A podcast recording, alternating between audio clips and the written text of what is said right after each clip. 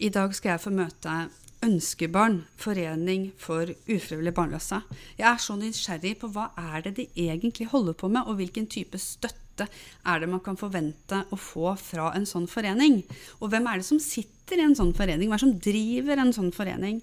Jeg gleder meg til å møte de, og jeg skal også ha med meg gjesteekspert Jon Hausken fra Klinikk Hausken på denne samtalen, så vi kan både se på det fra et legeperspektiv og terapeutisk perspektiv, altså nytten av å ha en sånn forening i Norge. Det her blir kjempebra. Er du ufrivillig barnløs? I denne podkasten vil du få råd, veiledning, kunnskap, forskning og ikke minst underholdning. Alt innen fertilitet og veien til ønskebarnet.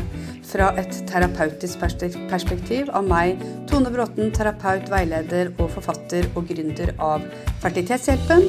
Og også fra et medisinsk perspektiv ved hjelp av gjesteekspert Jon Hausken fra Klinikk Hausken. Og ikke minst blir det episoder med høyaktuelle gjester. Velkommen til din nye podkast å lytte til.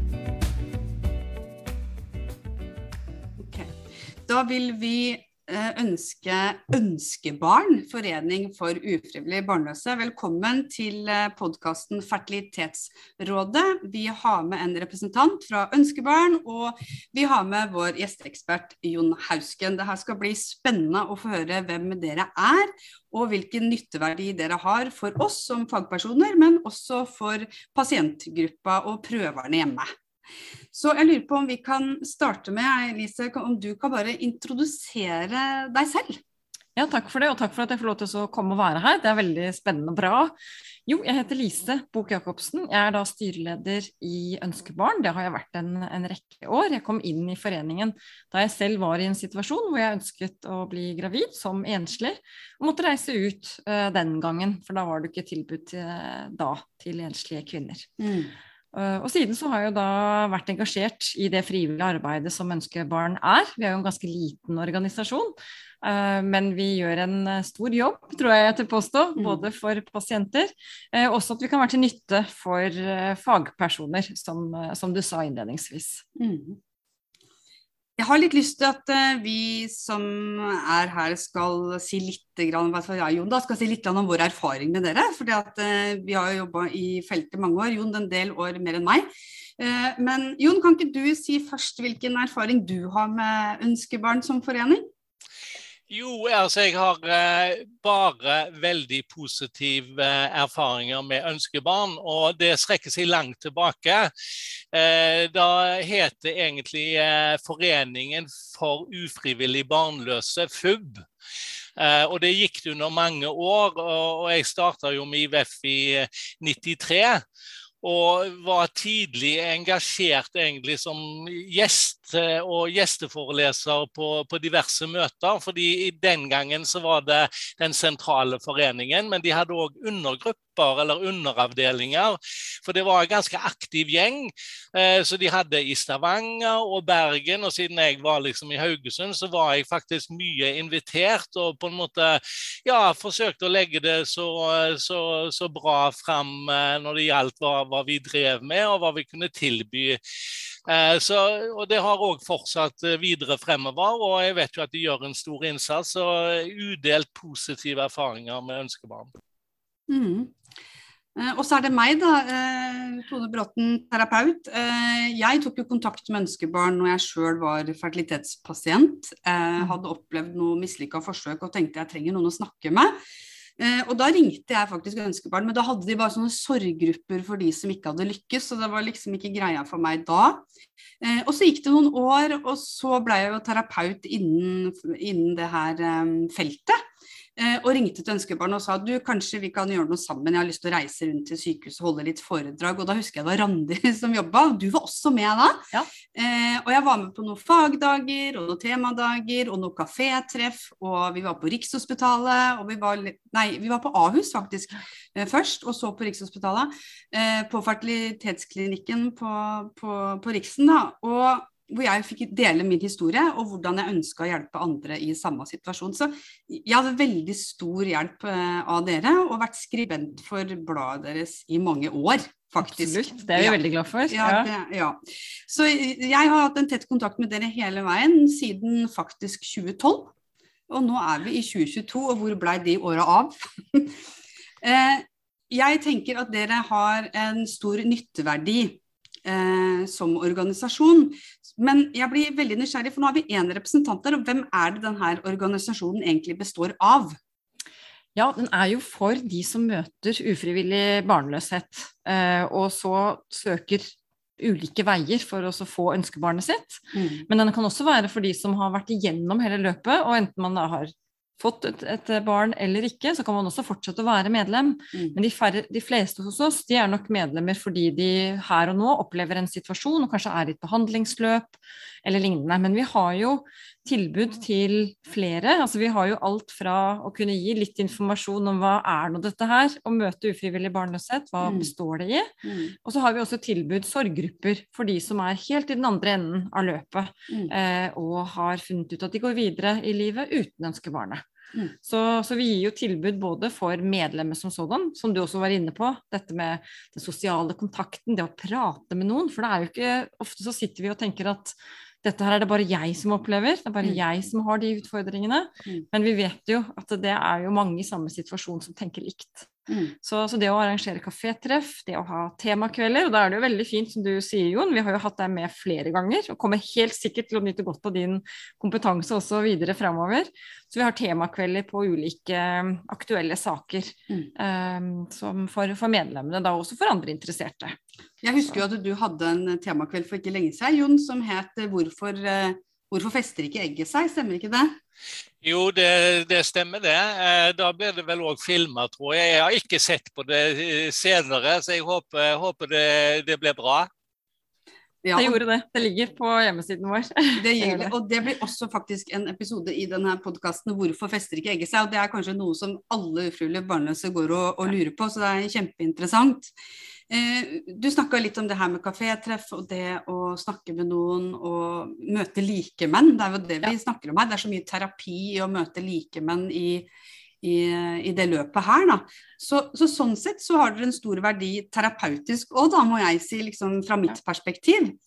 Eh, men dere har jo også eh, ikke bare leger som Jon eh, som har temakvelder, men også ulike veiledere og terapeuter har jeg sett, som dere også anbefaler eh, de som ringer inn, da har jeg litt på følelsen av vi, gjør, vi, ønsker jo gjerne også å ha et kontaktnett. Det var jo mm. en av grunnene til at du eh, kom inn og ble koblet til oss. Da hadde vi også andre og trengte flere. Som hadde, mm. Det var noen som hadde sluttet osv. som vi hadde vært knyttet til. Mm. Så, så, vi tenker det er fint at vi kan være noen som man kan ringe til også, og høre om det. da, mm.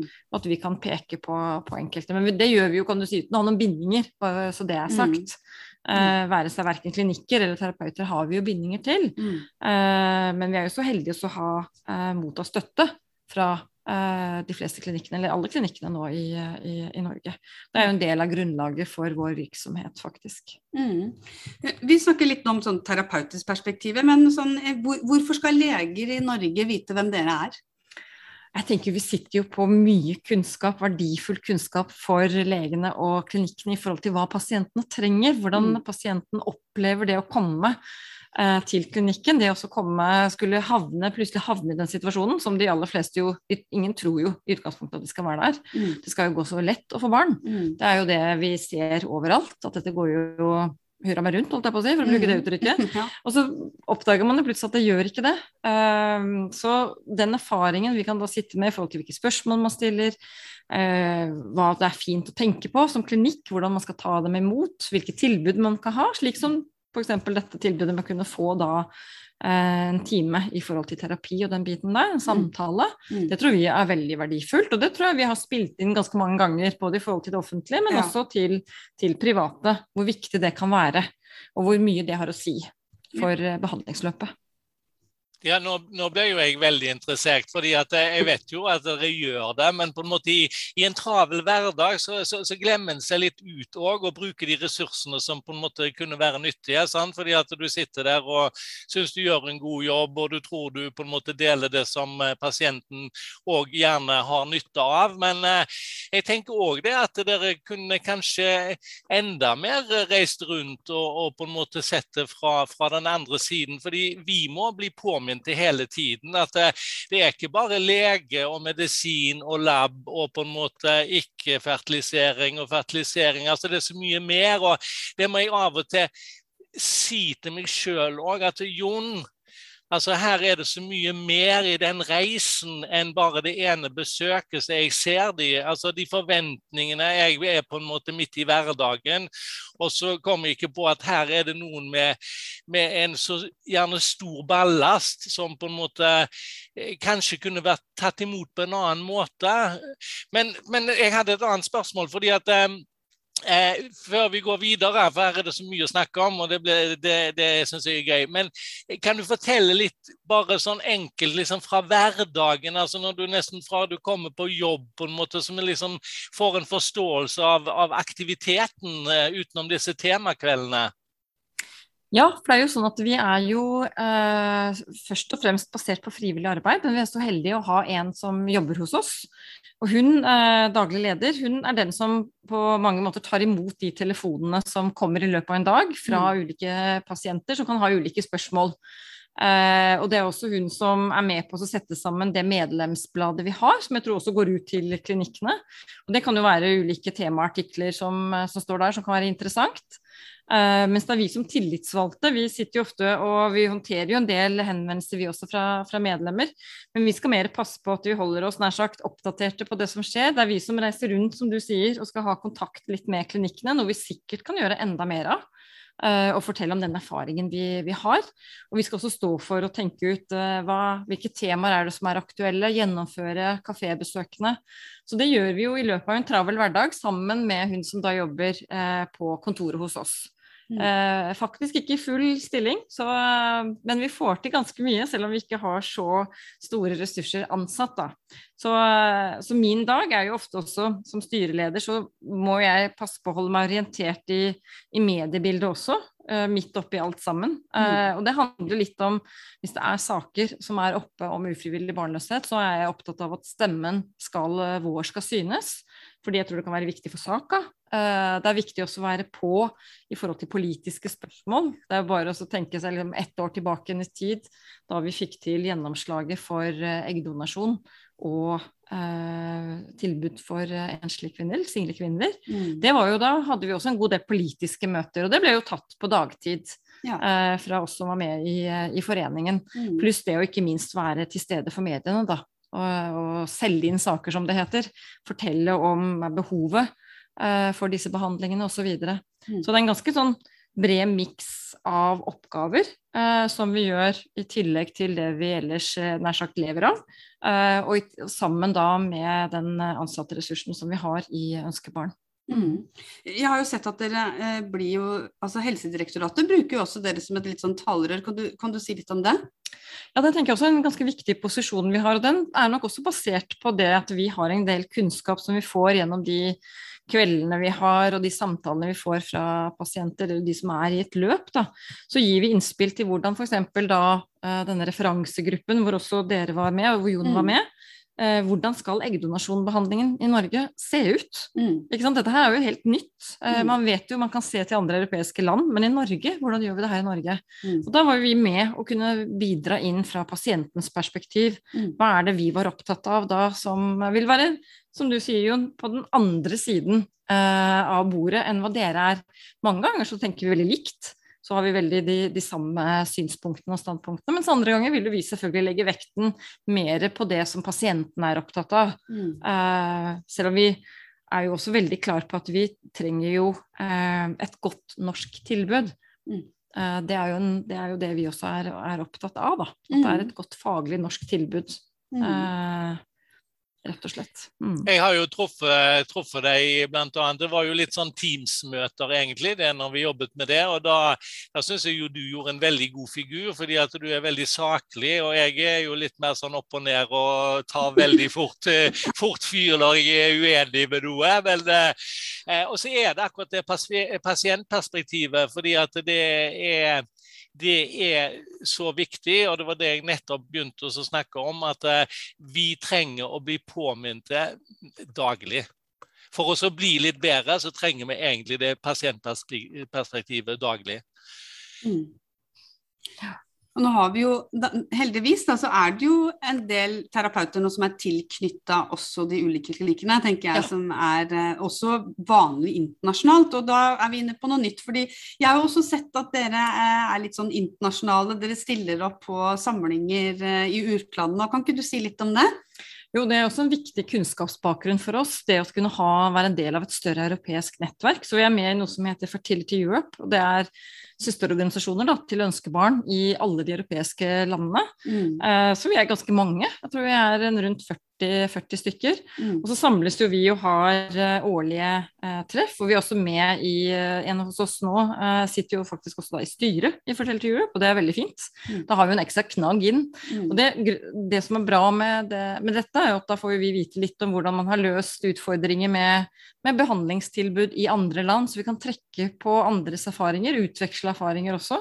Eh, og som igjen da kan brukes f.eks. i kontakten både med dere, eh, mm. men også ikke minst da med Helsedirektoratet. Mm. Så, så, bruker vi litt av det vi da har fått med oss fra dette internasjonale nettverket. Mm. Ja, det, altså det, tenker jeg er jo veldig interessant. og Det som er litt gøy med det, det er for det første så får en så du sier, litt erfaring som en kan eh, bruke. Men du får jo òg sett at et perspektiv kan ses fra forskjellig eh, ståsted. Og, og, ofte så kan det ses litt annerledes i andre land. Kan du dra noen eksempler så du kanskje ikke blir sjokka over, men så tenkte oi sann, er, er, det sånn det foregår her? Mm. Ja, definitivt. Og, og, sånn, og det, er jo, det, det, er jo, nyttig erfaring også når vi skal gi tilbakemelding til dere og selv tenke på hva skal vi fremme, hva er det mm. skal være våre, våre mm. standpunkter. Mm. Eh, og i debatten som var i forhold til eggdonasjon, så brukte vi jo litt det f.eks. at mange ville kunne være overrasket over at et land som, som Spania, som man oppfatter som katolsk, som ganske katolsk, mm. faktisk også er langt fremme, da Mm. Uh, noen vil jo si de er veldig langt fremme i ja. forhold til, uh, til, en industri, men i hvert fall også ser litt annerledes på assistert befruktning og bruken av f.eks. eggdonasjon. Uh, og det var jo et perspektiv som var nyttig i den politiske kontakten, mm. hvor man faktisk da så at Norge var et av de landene som lå lengst bak, som var et av de få landene som ikke hadde dette tilbudet. Mm. Så det ga litt perspektiver på, på hvordan det var oppbygget her i, her i Norge.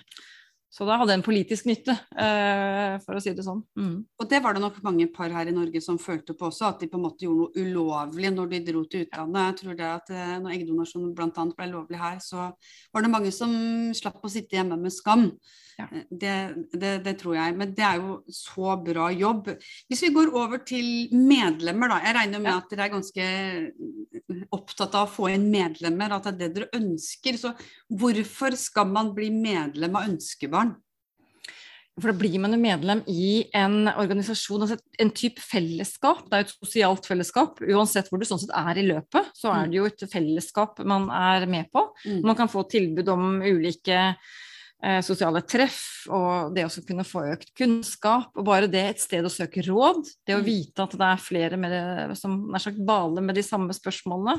Så det er nok en hovedgrunn til å bli medlem i Ønskebarn, at man kommer inn i, et, inn i et, fellesskap og kan få en støtte på mange ulike, ulike måter. Mm. Og så er man også med i en organisasjon som kan påvirke for det best mulige eh, forhandlingsløpet i, mm. i, i, Norge, da. Mm. Eh, for det gjør vi også. Vi har gitt at vi har den kontakten vi har med dere, og forsøker på en måte å gi innspill til hva som kan bli bedre, og, og gjøre oppmerksom på de spørsmålene i offentligheten også. Eh, mm. At man taler de ufrivillig barnløse sin sak i offentligheten. Mm. Så, så, det er også en god grunn til å bli medlem i foreningen, faktisk. Og så kan man jo også bli medlem bare for å støtte saka. Ja. Det er helt greit å være medlem hos oss, selv om man ikke er i et løp på noen som helst måte ennå ferdig ferdig med det, eller bare er på en klinikk, jobber. Altså, det er mange gode årsaker til å kunne bli medlem. Og så får man det fine eh, medlemsbladet, da. Det gjør man fire ganger i året. Hvor mye koster det å være medlem?